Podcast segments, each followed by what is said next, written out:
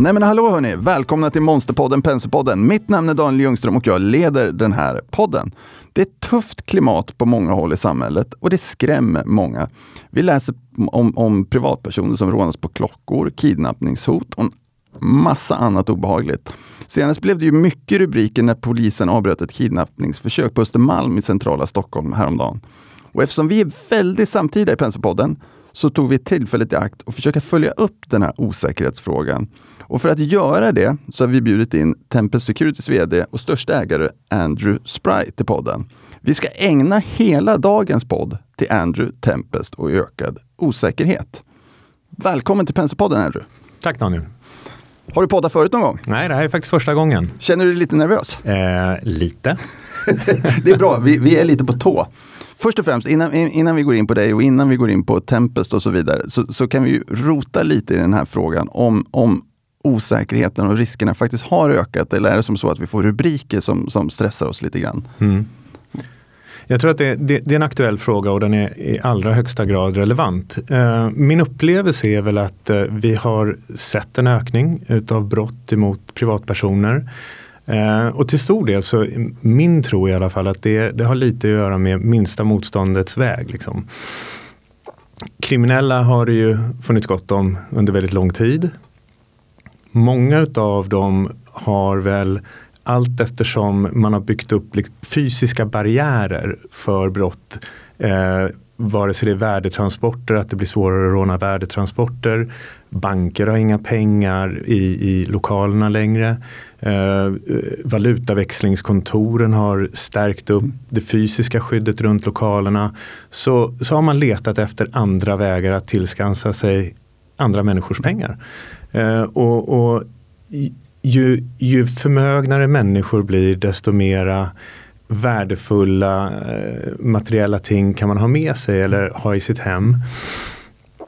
Och, och krasst sett så är väl det det enklaste sättet eh, att rikta in sig på att stjäla ifrån andra är ju att gå på privatpersoner som inte har ett skydd kring sig annat än möjligtvis ett, ett hemlarm. Mm.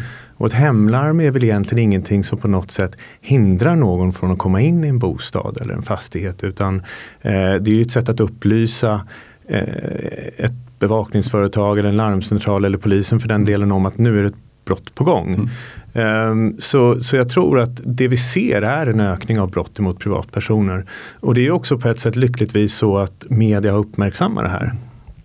Och då menar jag inte bara ur perspektivet lyckosamt för oss mm. att det bidrar till, till mer affärer för oss utan det, det uppmärksammar den potentiella brottsoffret på risker mm. med exempelvis att eh, visa upp en ny klocka i, i sociala medier.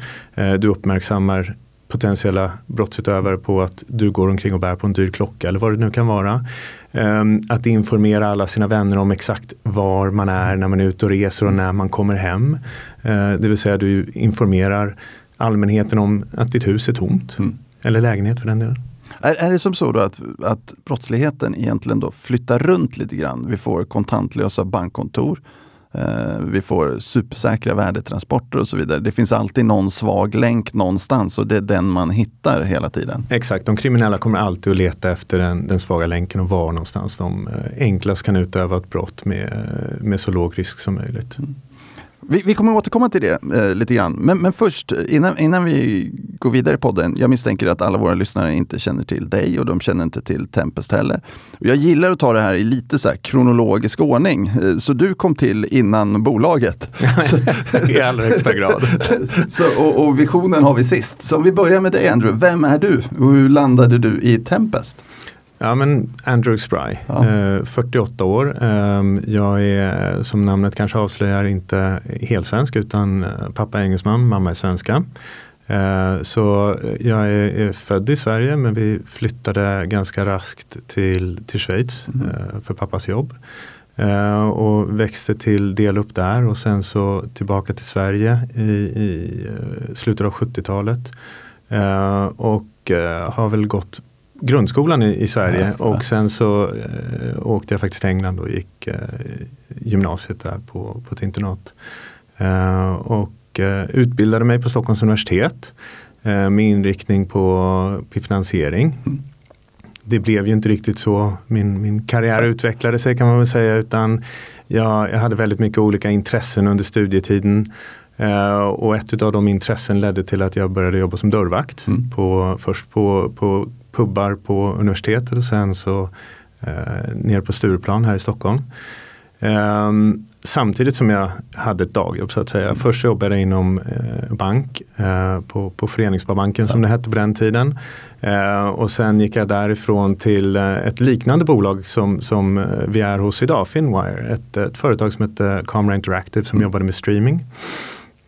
Och där eh, streamade jag olika, olika program som egentligen primärt rörde sig kring finansiering. Um, Sen så kom vi in i en, en ganska tråkig period när IT-bubblan mm. sprack. Eh, jag stod utan jobb eh, och många av mina gamla kollegor var i samma situation. Eh, och snarare än att söka jobb inom det lilla gebitet som jag hade en kompetens så tänkte jag att jag skulle prova mina egna vingar.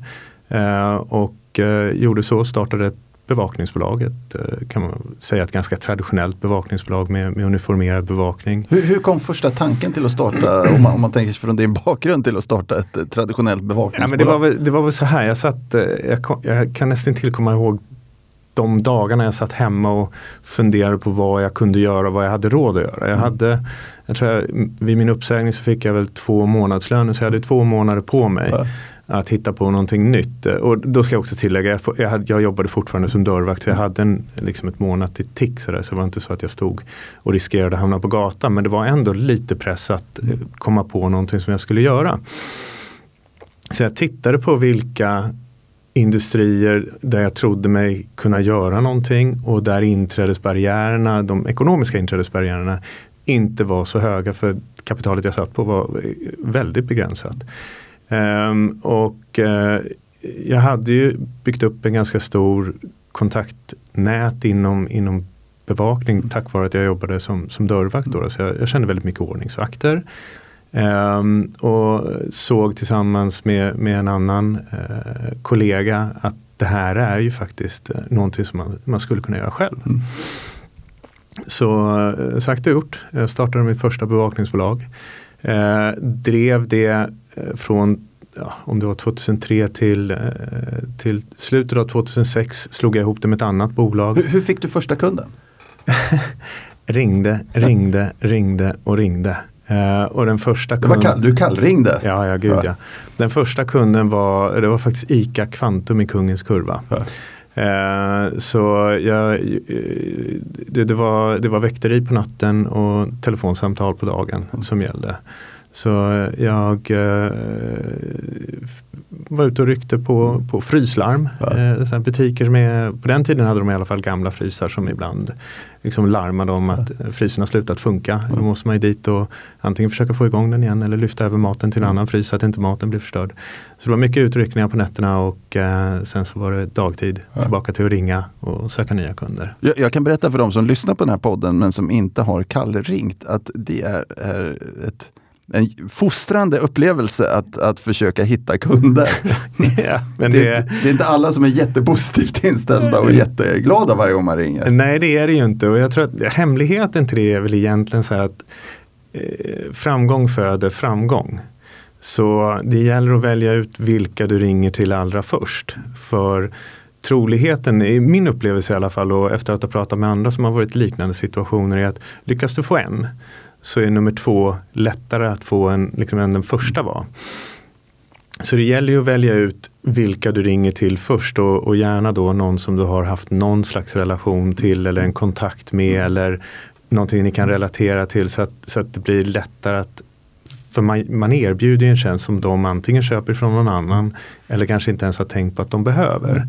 Mm. Um, så, så det måste finnas någon connection där som gör att affären kommer till ur ett enklare med, med, mindre insatser så att säga. Sen växte ni på lite grann alltså? Ja, men det, det, första det gick bolaget, bra det här ringandet? Ja, men det första bolaget växte på ganska bra, det gjorde det. Eh, sen så, så, fick jag väl någon sån här idé om att det skulle gå snabbare om jag slog ihop det med ett annat bolag. Mm.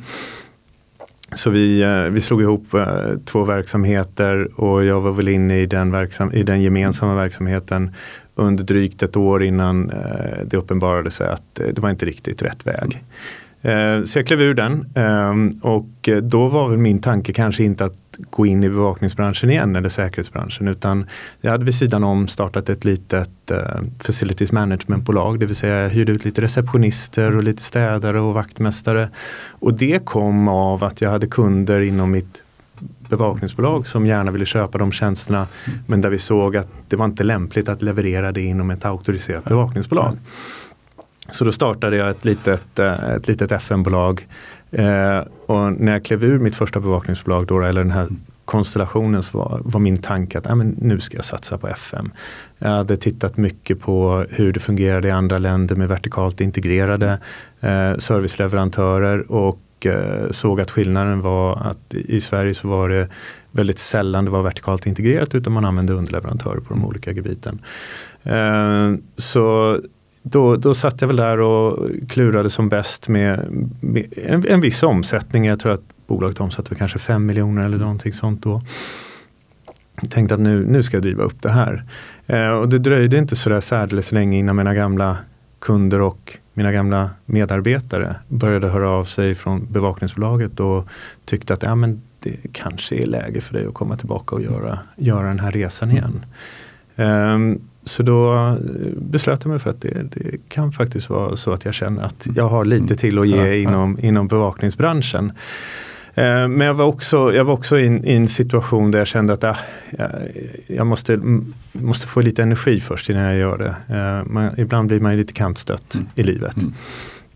Så jag, jag pratade väl lite, med, eh, lite mer med mina gamla medarbetare. Jag pratade med vänner om hur jag kände för, eh, för att göra den här resan igen. Um, och kom fram till att jag gör det här. Uh, så jag satte igång och det dröjde inte sådär särdeles länge innan en gammal universitetsvän och uh, tillika gammal dörrkollega uh, hörde av sig och sa att ja, men, får jag vara med på tåget? Han hade jobbat inom finansbranschen uh, och eh, kände sig väl för stunden klar med det. Eh, och ville göra någonting eh, annat. Och såg att eh, vi, vi kompletterar varandra, vilket vi gör i allra högsta grad. Eh, så, så Thomas, som han heter, hoppade på tåget. Eh, och eh, fick en, en del i bolaget.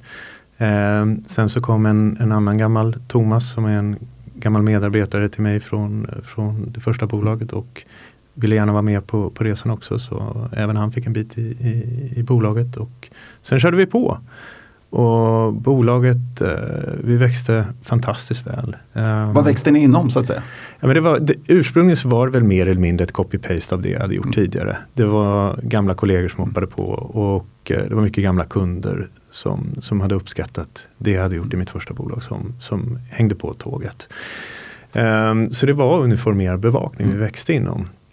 Och det här gjorde vi väl ungefär fram till 2011-2012 började vi känna att vi började nå något, någon slags barriär där eh, kontrakten vi hade möjlighet att offerera på blev större eh, och som ett direkt resultat så är marginalerna mindre. Mm. Eh, och eh, vi, vi stötte också lite mot på, jag ska inte säga motstånd, men det blev svårare och svårare att hitta bra medarbetare. Mm.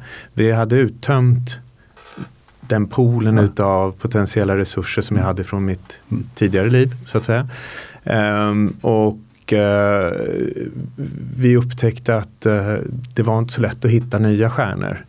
Uh, så vi började titta på hur ska vi utveckla bolaget för att attrahera rätt individer? Hur ska vi utveckla bolaget för att inte bara bibehålla de befintliga kunderna utan addera värde i det vi gör för dem. Uh, och, och, också hur ska vi kunna vinna kontrakt med bibehållen marginal eller med, med samma marginal som vi är vana vid. Uh, och satte väl en, uh, ett ganska långt strategiskt möte och när jag säger möte var det inte ett enskilt tillfälle utan det här var en process. och Eh, kom fram till att men vi sätter en femårsplan som goda kommunister höll jag på att säga. eh, vi, eh, vi tittade på hur ska vi utveckla bolaget över de kommande fem åren. Vad vill vi uppnå från 2012 där vi var just då till 2017. Eh, vi satte finansiella mål, interna, ingenting vi kommunicerade någonstans för det, vi hade ingen mottagare av den kommunikationen. Eh, men framförallt så satte vi en plan för hur vi såg att vi skulle utveckla vår verksamhet just för att kunna attrahera rätt individer in i verksamheten och också för att bibehålla och vinna nya kunder. Och planen gick ut på att utöka, det här är inte raketforskning på något sätt utan det är väldigt simpla saker. Man, man, jag skulle kunna få tillägga där bara, ja. det du beskriver det är väldigt talande att man når en viss storlek Sen, sen, är det svårt att växa på. Ja. Uh, och det, det, är ju för att helt plötsligt hamnar man i ett annat segment, en annan typ av marknad ja. och så vidare. Och det är många, det, det är inte helt ovanligt att man ser att där har bolag svårt att komma vidare. Alltså det där är, det där är, så, det, det är så sant. Mm. Jag, ehm, jag har ju ändå en, en hyfsad kontaktyta inom säkerhetsindustrin. Och har under väldigt många år pratat med entreprenörer mm. om just hur tar man nästa steg. Mm. Därför det är precis som du säger, man når en gräns där man känner att nej, jag kan inte ta det här längre. Mm. Jag vet inte hur, jag vågar inte, för det är också det är ett vågspel det där. Eh, ska man satsa på någonting som man inte har gjort tidigare det kostar pengar, eh, man, man, lägger väldigt mycket tid på det, eh, man riskerar sitt goda renommé till och med kanske om man ger sig in i något som man inte har gjort tidigare. Eller ska jag safea och göra det jag gör som jag ändå gör bra redan idag. Eh, så jag tror att det, det, det är helt rätt. Det, det, är många som kommer till en gräns och sen inte känner att de är eh, antingen vågar eller har resurserna att göra det här. Vi var väl i en sån där position att vi hade haft lönsamma år så vi hade, eh, vi hade en bra kundbas med bra kontrakt. Eh, vi hade byggt upp lite kapital. Eh, jag hade med mig ett fantastiskt team, eh, Thomas och Thomas som jag nämnde då. då eh, och även andra individer som hade dels kommit över från mitt gamla bolag, otroliga medarbetare. Eh, till och med en eller två av dem är fortfarande med mig i dagsläget. Eh, i min värld så hade vi rätt förutsättningar för att göra det här. Uh, och, och jag, har, jag har ju haft förmånen av att ha en balans i livet i form av människor som håller mig tillbaka. Hade de inte gjort det så hade jag nog uh, sprungit på så snabbt så att jag snubblade. Mm.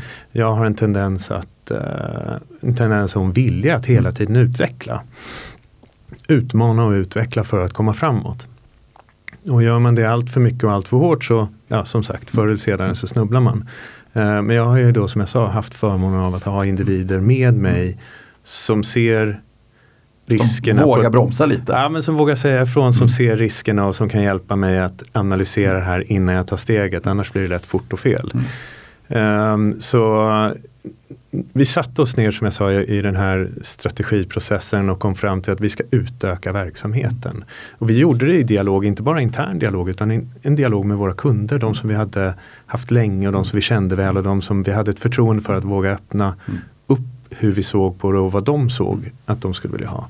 Och vi kom fram till att vi behöver, vi behöver bli mer utav en eh, lamt uttryck, jag på att säga, men one-stop shop mm. Eh, för, för säkerhet.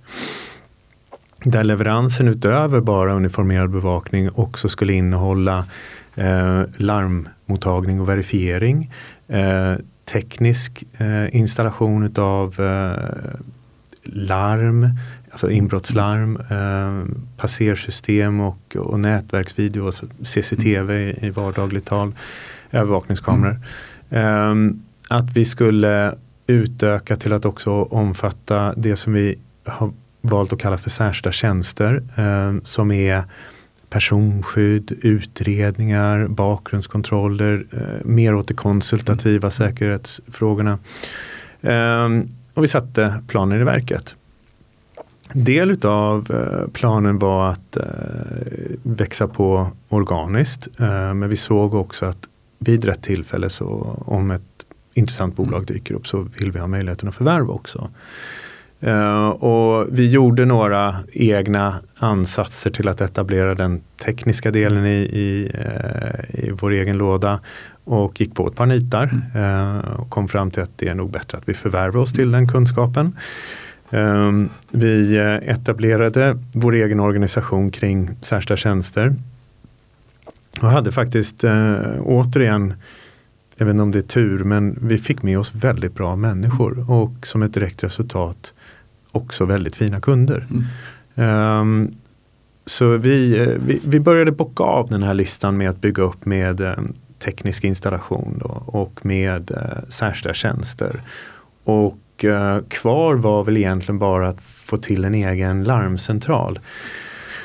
Eh, vi gjorde en del efterforskningar, vi pratade med andra branschkollegor som hade gjort det själva, det vill säga startat egna larmcentraler. och man kan väl minst sagt säga att vi blev skrämda av kostnaden för att göra det. Eh, Jag kan tänka mig det, man börjar med väldigt mycket kostnader, man har få kunder. Ja, det, och det är regulatoriskt styrt hur mycket det ska bemannas. Så det måste vara dubbelbemanning dygnet runt. Det finns väldigt mycket kring säkerhetsskyddet och Eh, de tekniska systemen, du måste vara certifierad och auktoriserad inom segmentet. Så det, det är mycket jobb, mycket mm. pengar och, och, någonstans så fick vi väl en, en, en indikation på vad kostnaden är från det att du liksom sätter spaden i marken eller vad vi ska säga tills dess att du når break-even. Och siffran var, som vi fick till oss från två olika parter var att det, det kan vara uppemot 50 miljoner kronor. Mm.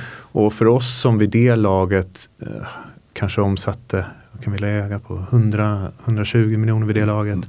Så är det eh, gigantiska pengar och vi kände att nej, det, här är inte, det här är inte vad vi ska göra nu utan vi eh, vi får nog gå tillbaka till ritbordet och fundera om.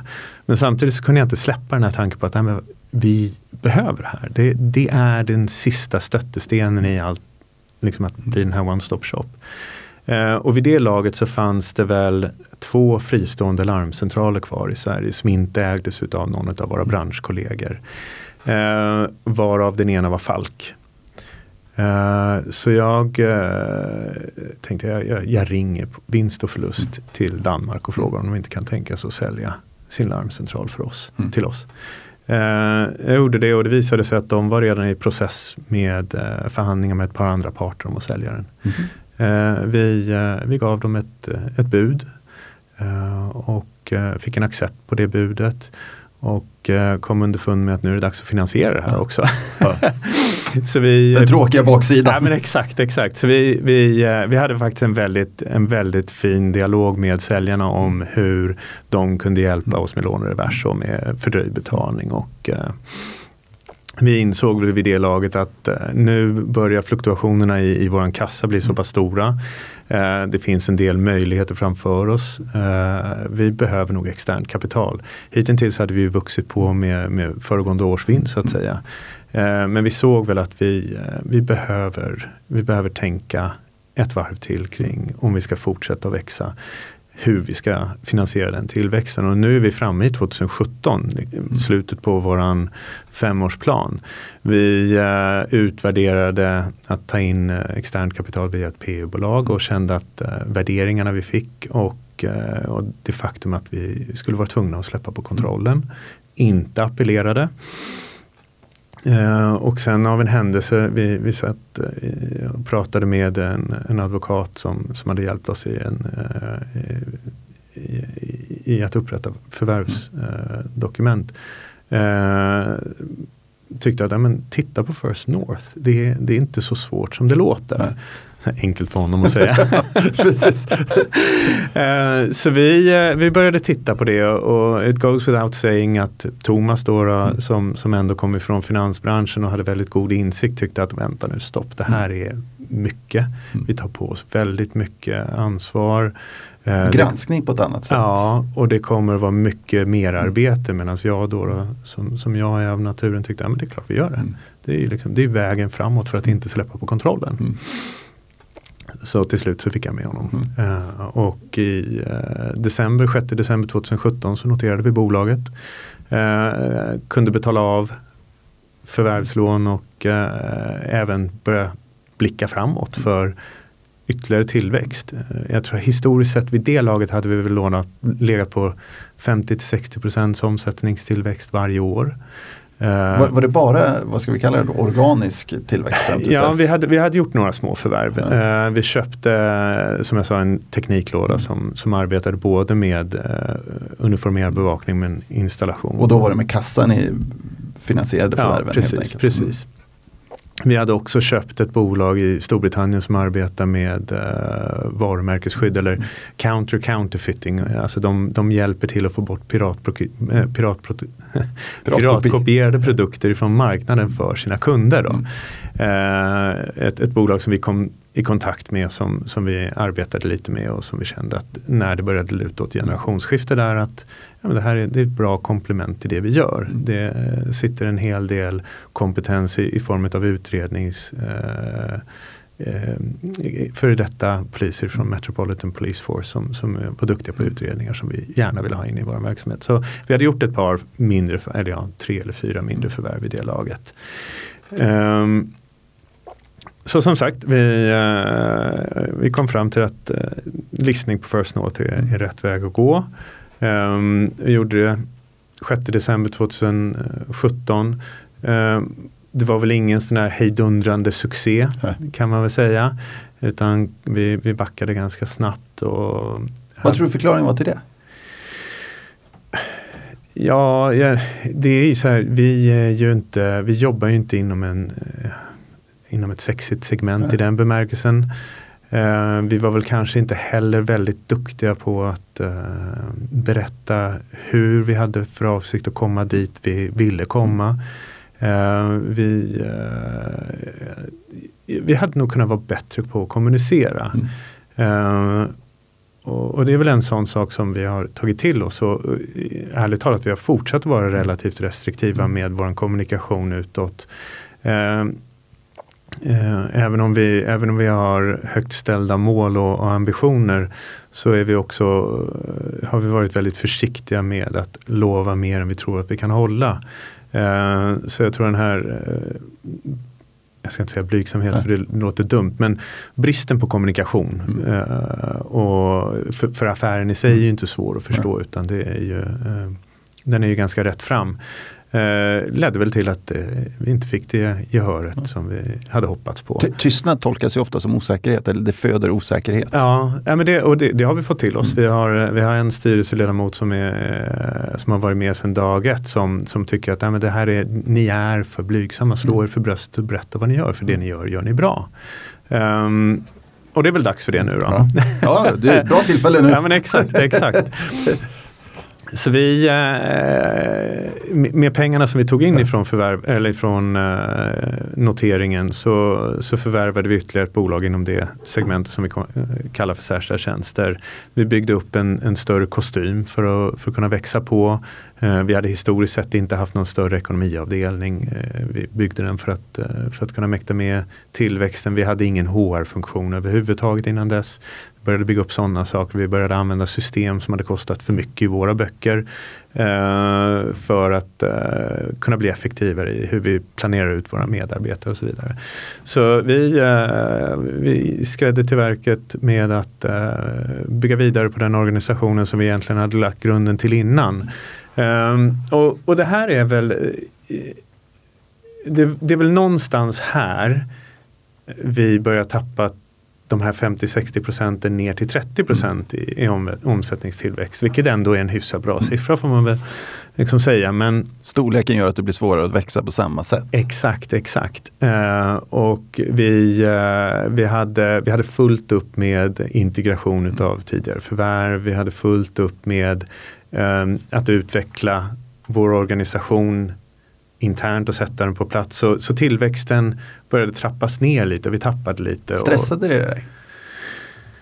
Ja, jag, jag, brukar ju säga så här att vi har byggt en organisation som är gearad för tillväxt och när tillväxten försvinner så som den gjorde nu under pandemin. Ja, för mig som individ så är det extremt stressande att, att inte vara i en miljö som jag är bekväm och van vid. Så vi... Eh, en, en personlig fråga, ja. hur hanterar du den stressen? Blir det som så att eh, du, du jobbar hårdare eller kan du koppla av? Liksom, vi tänker fritidsmässigt och så vidare. Historiskt sett så har jag haft svårt att koppla av. Mm. Jag, har, eh, jag har blivit bättre på det nu. Jag, jag värdesätter mitt privatliv eh, och mitt familjeliv på ett helt annat sätt nu än, än bara för 5-6 år sedan. Jag har, jag har relativt små barn mm. så de, de, de behöver ju mycket tid och uppmärksamhet. Eh, och där, där jag som sagt tidigare kanske inte nödvändigtvis prioriterade det så har jag fått en, eh, tycker jag, en fantastisk möjlighet att ändå i den här åldern tänka om lite, eh, prioritera det. Och inte nödvändigtvis för den delen tappa fokus på, på verksamheten.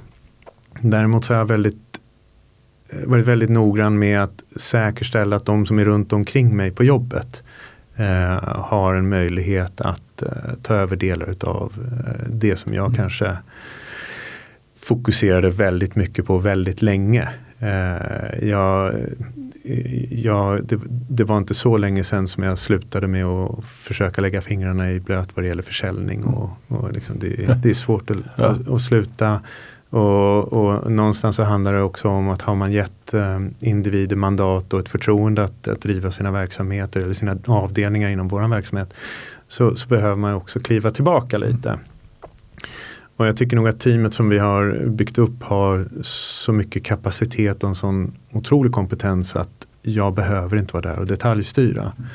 Mm. Uh, och det har väl gjort att jag har kunnat frigöra mig lite ifrån, ifrån uh, jobbet. Mm. Och, och, få lite bättre balans helt enkelt? Ja, men få bättre balans och, och kunna njuta utav mm. privatlivet mm. och inte hela tiden gå och oroa sig mm. och, och stressa. För även, även om man tittar på, på siffrorna, tillväxtsiffrorna och, och de har varit fantastiska. Så har ju våran lönsamhet har ju uh, sjunkit mm. efter noteringen. Och jag tror inte det nödvändigtvis beror på att vi har gjort någonting fel utan vi, vi trodde att marginalutvecklingen skulle bli starkare än den blev. Så alla satsningarna vi gjorde samtidigt på att bygga upp en infrastruktur fick liksom inte den eh, betalningen ifrån tillväxten. Nej. Ni fick kostnader men inte riktigt intäkterna för expansionen? Exakt, exakt. Mm. Och framförallt inte marginalerna som mm. vi behövde för att finansiera det. Och det är, väl, det är väl en av de sakerna som vi har arbetat med eh, allra mest nu under pandemin. Pandemin har ju lett till den här miljön som jag är obekväm med, mm. nämligen noll tillväxt. Mm. Uh, har ju lett till att vi har fått möjligheten, ska man väl säga, att skärskåda det mm. vi gör. Att titta på vår organisation, att titta på var någonstans eh, läcker det så att mm. säga. För i grund och botten så är de underliggande marginalerna vi har ifrån vår verksamhet, ifrån produktionen mm. om jag får kalla det det, eh, är fantastiska och de fortsätter att bli bättre och bättre. Och ändå så, så har vi inte haft den, eh, det har inte reflekterats i, i bottom line mm. överhuvudtaget. Så det vi har gjort nu under, eh, under delar av pandemin i alla fall är att titta på vad gör vi bra och var någonstans behöver vi förbättra oss. Vad hittar du för förbättringsområden? Jag tror att en sak som, som vi inte riktigt har förstått det är verksamhetens behov av supporttjänsterna. Vi har byggt upp en fantastisk stödfunktion Uh, vi täcker mer eller mindre allting som vi behöver täcka i vår supportorganisation. Uh, men vi har byggt den anpassad, kanske inte ut efter verksamhetens behov utan hur vi har trott att verksamheten har behövt våra stödtjänster. Mm. Så vi uh, har, har, fått se över hur vi stöttar produktionen. Och vi är i full gång med att fortsätta att eh, liksom, tänka de tankarna och implementera framöver eventuella förbättringar.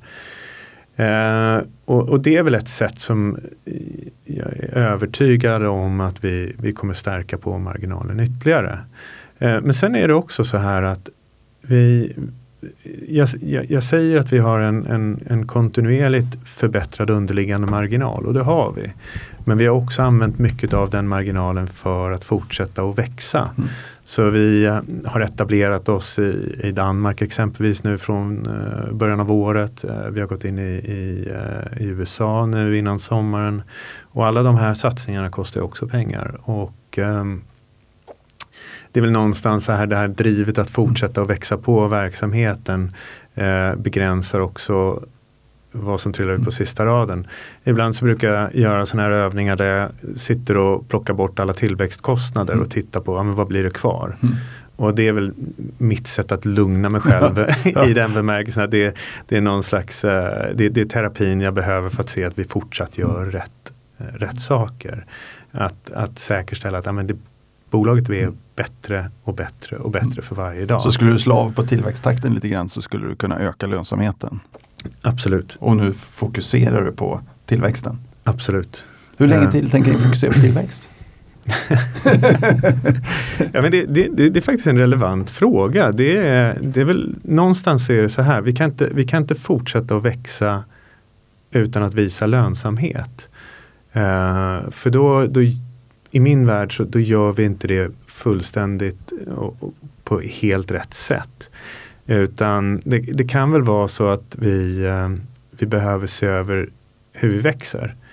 Um, den, vi har ju gått ut och, och, pratat om, initialt när vi noterade bolaget så, så, så sa vi att uh, år 2022 så har vi för avsikt att, att lämna 500 miljoner i omsättning. Och att vi har ett långsiktigt ebitda-mål om 10 procent. Uh, och jag skulle fortsätta säga det jag har sagt att jag tror till fullo på att vi kommer lämna 500 miljoner i omsättning mm. nästa år. Uh, Vad har ni för omsättning i år? Uh, ja, i år. Eller förra eh, året, ta, ta ja, 20. 20, 20, så landade vi väl på 300. Mm. Uh, och uh, jag, jag, kan inte gå ut och säga vad vi landar i år riktigt ännu. Men vi, vi presenterade kvartalssiffrorna nu i bara häromdagen. Och skulle vi ta kvartalet och, och rulla fram det så är det väl um, ja, knappt 350 miljoner. Så det är 150 miljoner till nästa år? Ja. Var, var hittar ni dem? Förvärv och organisk tillväxt. Eh, vi har ju också kommunicerat kring hur vi ser på framtiden fram till 2025. Eh, nämligen att vi kommer ha en, en ökad förvärvstillväxt. Eh, ja, vi har ju för avsikt att bibehålla den org organiska tillväxten förstås också.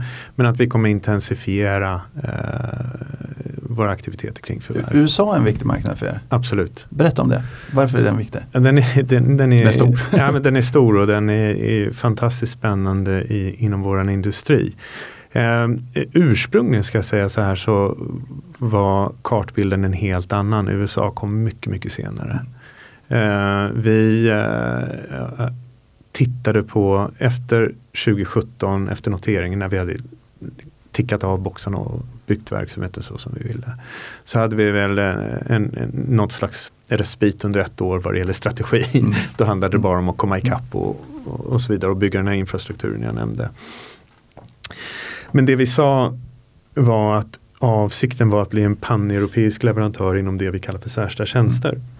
Vi har eh, historiskt sett haft väldigt fina relationer med eh, amerikanska säkerhetsleverantörer eh, och fått leverera åt dem som underleverantörer i Europa när deras kunder exempelvis har varit ute och rest. Berätta om det här affärsområdet så vi förstår det lite ja, grann. För det är tjänster. superspännande. Ja, men den, är, den, är, den är väldigt intressant.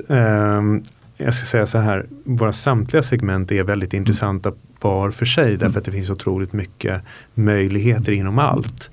Uh, men just särskilda tjänster är väl den delen som jag tror kommer växa väldigt mycket snabbare än, än resterande delar av verksamheten under de kommande åren. Um, vi har klumpat ihop det som, som vi kallar lite eh, slarvigt sagt då, särskilda tjänster i ett segment. Och det omfattar då det som är personskydd, eh, livvakter mm. i, i dagligt tal. Eh, det omfattar utredningar och det kan vara att hjälpa kunder att eh, utreda potentiella eller eh, förmodade brott inom sina företag. Eh, det är bakgrundskontroller, det vill säga, det vill säga att, att, att screena individer inför en anställning. Eh, att titta på hur en organisation egentligen ser ut om man har för avsikt till exempel att hyra ut lokaler. Mm. Eh, en restauranglokal, då mm. kanske man vill veta varifrån pengarna kommer. Mm. Eller eh, säkerställa att det är en stabil kund som ska eh, hyra en kontorslokal, mm. vad det nu var. Um, vi har det som jag nämnde som hastigast nyss, uh, det här med counter counterfitting, det vill säga att vi hjälper våra kunder att få bort piratkopierade mm. Produkter från marknaden. Um, och sen så det som är åt det mer konsultativa hållet. Uh, vi hyr ut uh, säkerhetschefer mm. och vi hjälper kunder att, att bygga en, en säkerhetsstrategi när de etablerar sig i nya länder eller när de stärker upp här i Sverige. Va, vad är drivkrafterna bakom tillväxten? Här? Jag, jag tänker mig att ett osäkrare samhälle är den underliggande drivkraften. Det är det. Eh, tittar man på industrin i sin helhet så är ju det absolut en mm. drivande faktor. Tittar vi på vår egen verksamhet så växer vi ju mycket, mycket snabbare än, än index där. Och det är väl, eh, vi har rätt personer med oss, vi har bra kunder eh, och vi har, vi har ett gott renommé i branschen. Så det, det, jag var på väg in på mm. tidigare med den här paneuropeiska mm. expansionen mm. handlade till, till, stor del om att, eh, som jag sa, vi, vi har en del eller hade en del eller har fortfarande en del kunder som kommer över ifrån USA som behöver skydd när de uh, tuffar runt här i Europa. Uh, och vi har lyckats göra det med, uh, med partners och nätverket som vi har byggt upp runt om i Europa. Vi har lyckats göra det med våra egna individer. Och det vi, det vi förutsatte oss att göra var att bygga upp egna entiteter i de länderna vi såg det största behovet.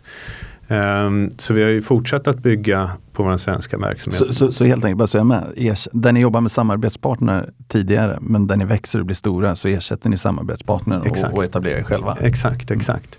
Så utöver att finnas i Sverige så, så har vi verksamhet i Norge. Vi har verksamhet i Danmark nu, i, i Storbritannien, Tyskland, Turkiet. Mm. Och, och uh, meningen är ju då att vi i egen regi ska kunna tillhandahålla just de här personskyddstjänsterna och även utredningstjänsterna eh, själva snarare än att eh, lägga ut det på underentreprenad. Vi har, som jag sa, vi har ett bra nätverk och fantastiska partners som vi arbetar med. Och det är väl inte helt omöjligt att någon av de partners är ett, ett potentiellt förvärvsobjekt senare. Mm. Eh, tillbaka till USA. Eh, så, så, meningen var att vi skulle bli en, eh, en, en större samarbetspartner för flera kunder i USA, både direkt mot kunderna men också via då andra säkerhetsföretag.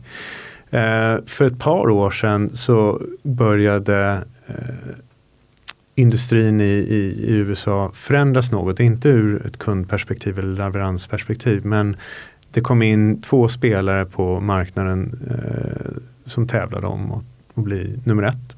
Eh, och som var väldigt intensiva i att förvärva både uniformerad bevakning och eh, vårt segment mm. särskilda tjänster. Då.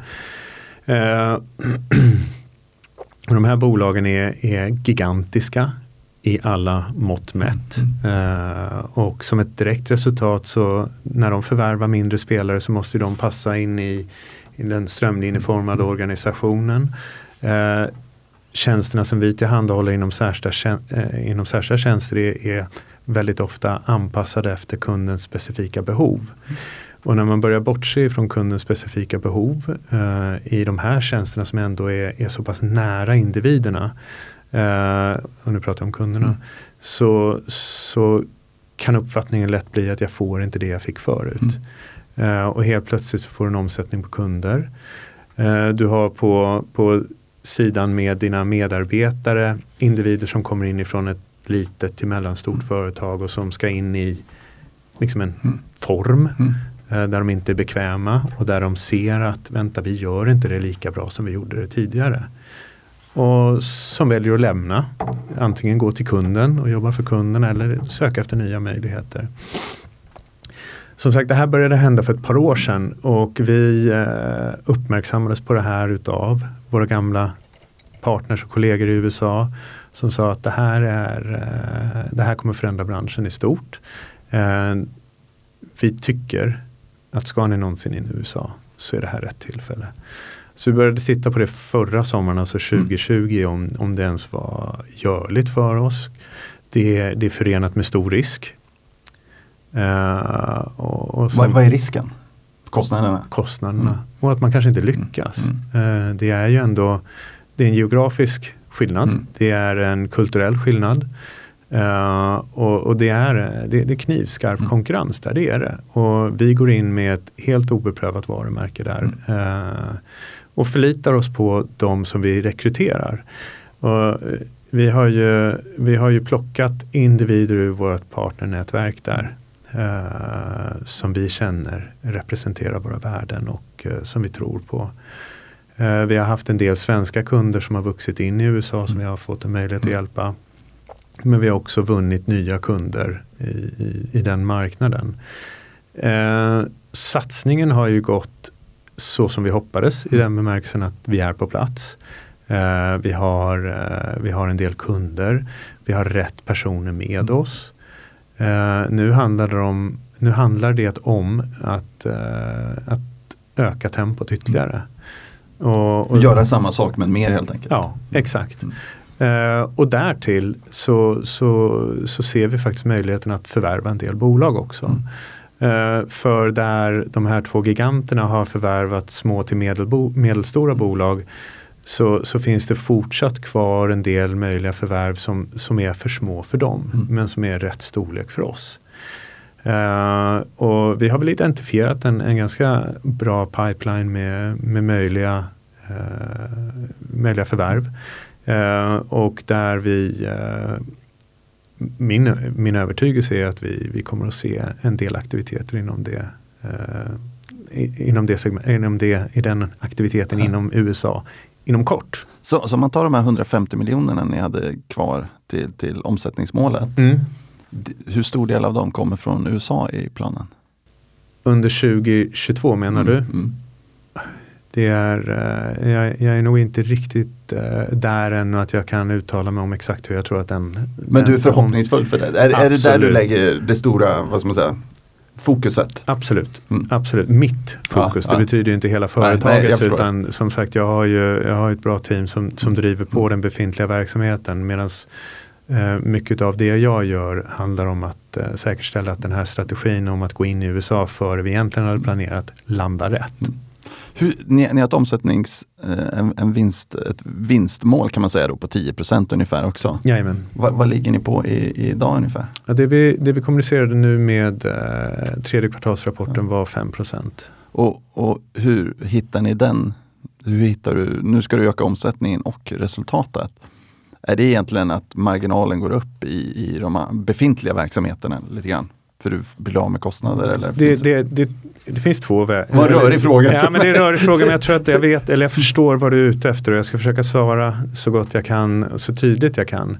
Eh, I mångt och mycket så är den infrastrukturen som vi har byggt upp för koncerngemensamma funktioner, den, är, den behöver inte vi skala upp Nej.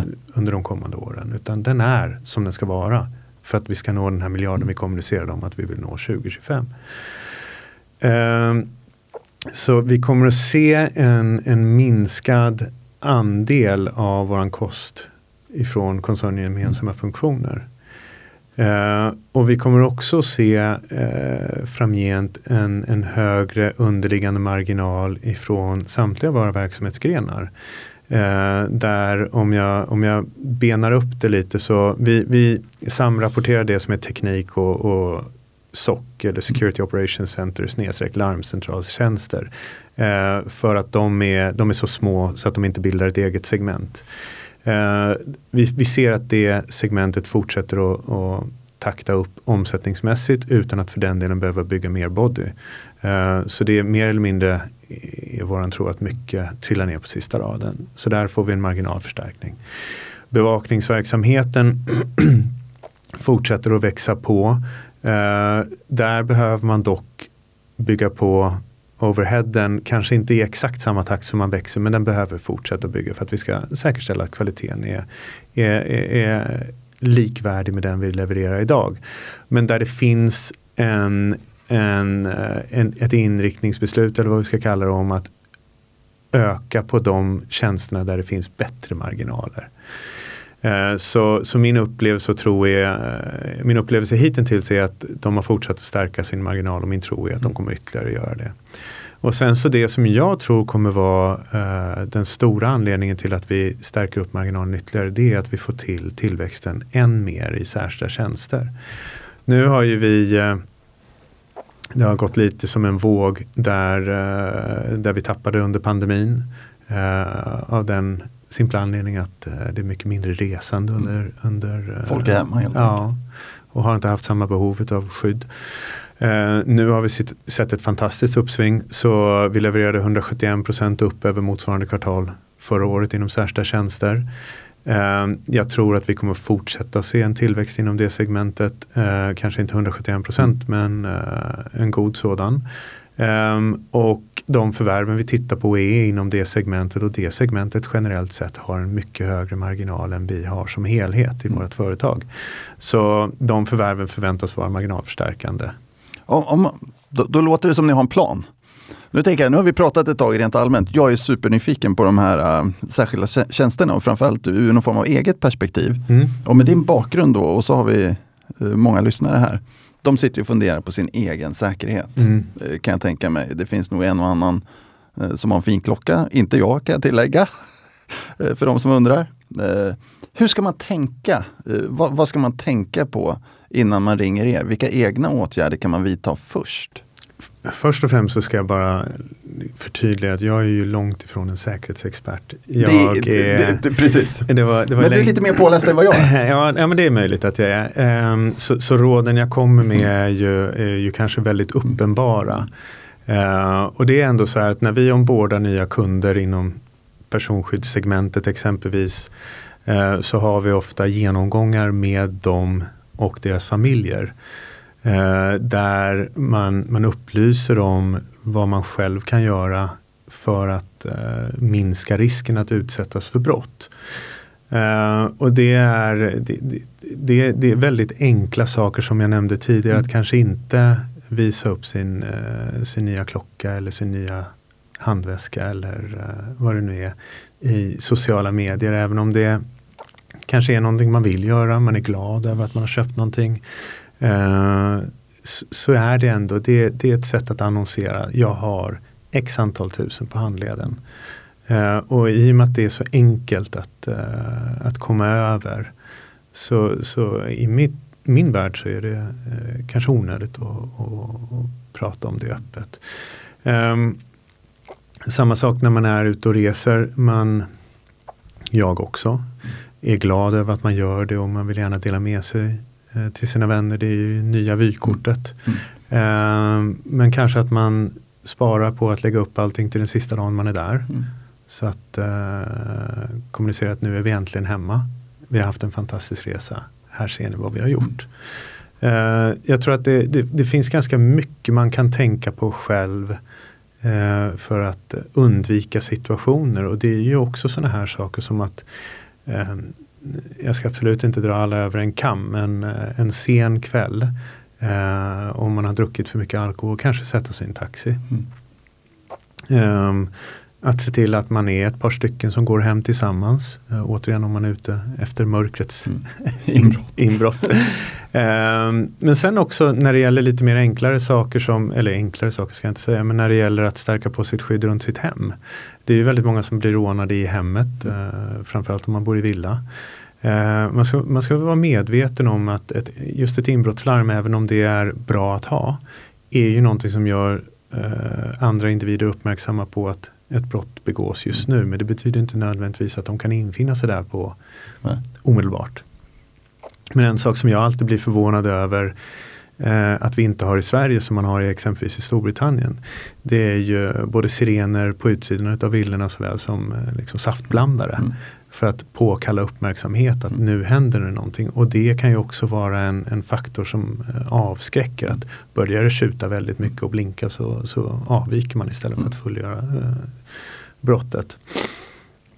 Sen så tror jag också att eh, det här med, med övervakningskameror är, är någonting som man, man ska absolut eh, överväga om man har de ekonomiska möjligheterna. Alltså utanför huset? Utanför huset. Mm för att påkalla uppmärksamhet från en larmcentral exempelvis som mm. då över högtalare kan informera tjuvarna eller vad man nu ska kalla dem om att vi ser er och det är hjälp på väg. Men sen också att bygga på det fysiska skyddet i huset.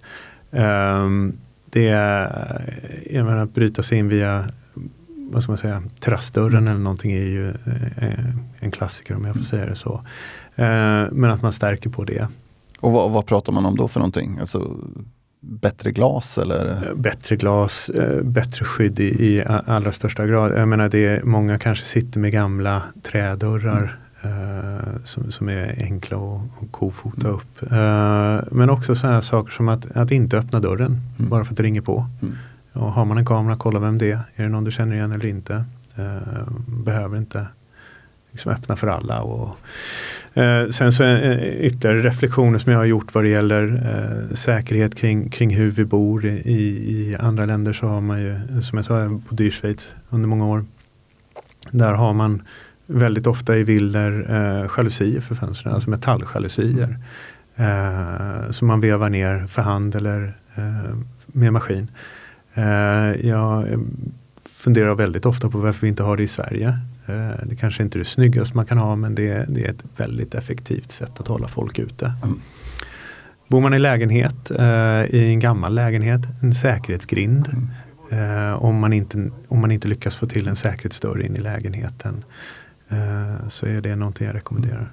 Om, om man, tar, man tar sådana saker som transport till och från jobbet och så vidare, finns det någonting man ska tänka på där? Mm, det är väl, eh, nu är jag inne och tassar på mark som jag kanske inte är den bästa ja, jag, att prata jag vill bara ge en liten jag hint. Jag kan ge en anekdot istället. Min, eh, min far jobbade under något år i, i Moskva eh, och fick rådet därifrån, deras säkerhetsrådgivare, att åka tunnelbana. Mm. Det kommer vara mycket säkrare än att eh, hyra in en chaufför eller eh, på annat sätt transportera sig. Och det handlar väl om att man ska röra sig i miljöer där det är mm. mycket folk. Mm. Uh, och det, det, är väl en, det är väl en sån sak man ska tänka på beroende på vilken tid man är ute förstås. Men att uh, vara i miljöer där det är mycket folk, det, det är ett sätt att skydda mm. sig.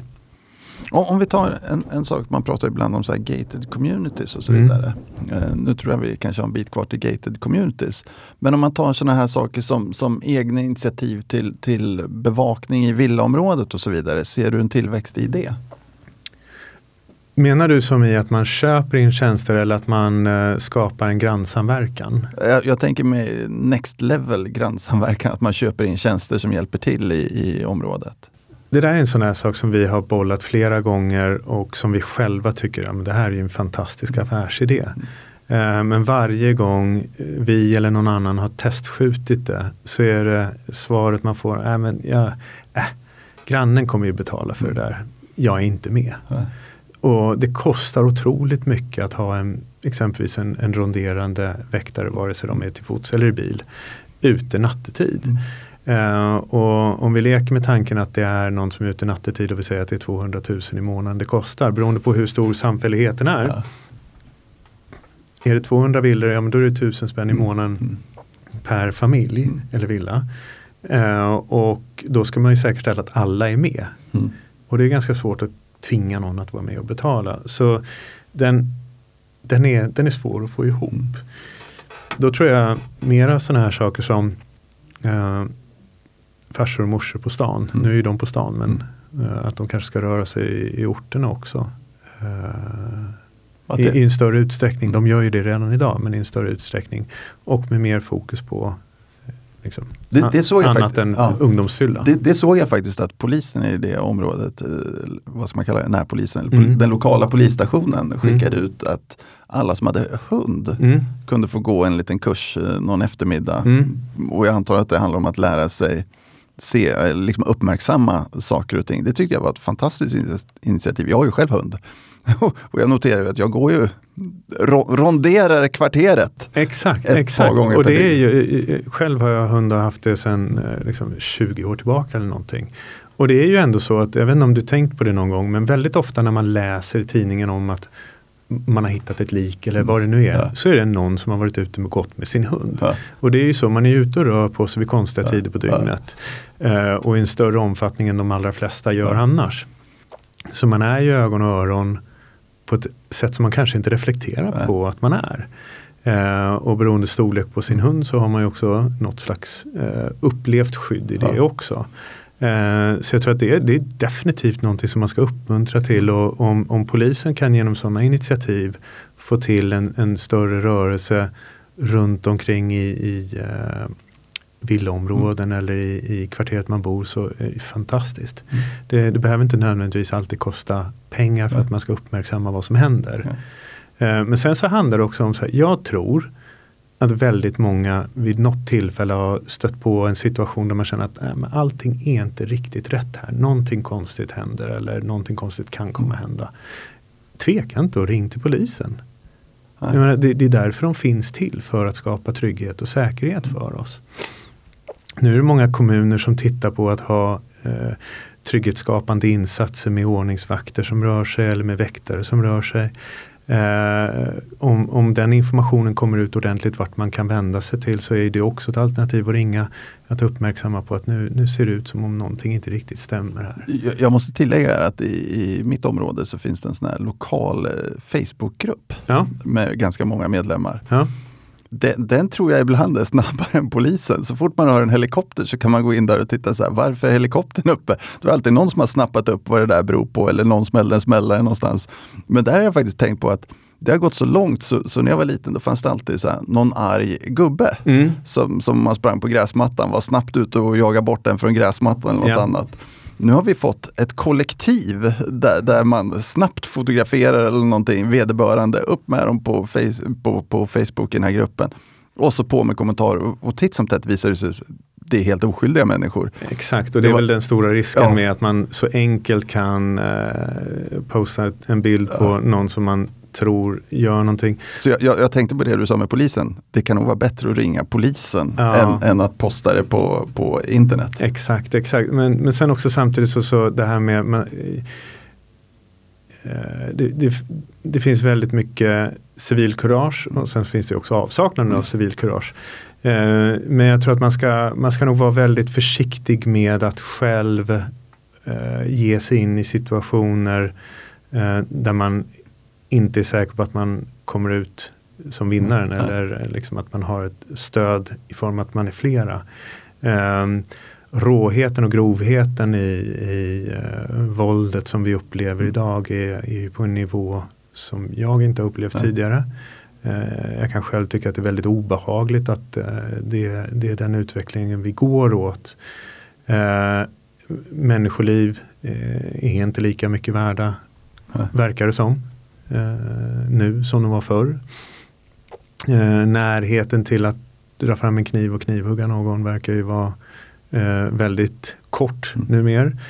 Eh, så jag, jag, skulle nog, eh, jag skulle nog säga att det, det, bästa man kan göra är ju att ringa till, till rätt instans. Mm. Eh, och informera om att man tror att någonting är på gång än, eh, snarare än att själv ge sig i kast med att försöka fotografera eller någonting. Utan... Vi, vi ska börja avrunda Andrew. Finns det någon fråga jag har glömt att ställa? Oj. Vi kan tillägga för lyssnarna att i vanlig ordning så, så har vi ingen, inget manus utan det är ett spontant samtal. nej men spontant då, så ja. är inte som jag kan komma på. Uh, men uh, nej, ja, det känns som att vi har pratat ganska fritt och öppet och, och kring kring det vi gör men också eh, hur, hur folk har det idag ur ett mm. säkerhetsperspektiv. Och, och återigen så vill jag bara göra gällande, jag är ju långt ifrån en säkerhetsexpert. Så ni får ta de råden som jag har gett som för vad de är. Liksom att tänk själv efter på vilket sätt man kan, man kan minska riskerna för att utsättas för brott. Stort tack för din tid Andrew. Tack själv. Tack.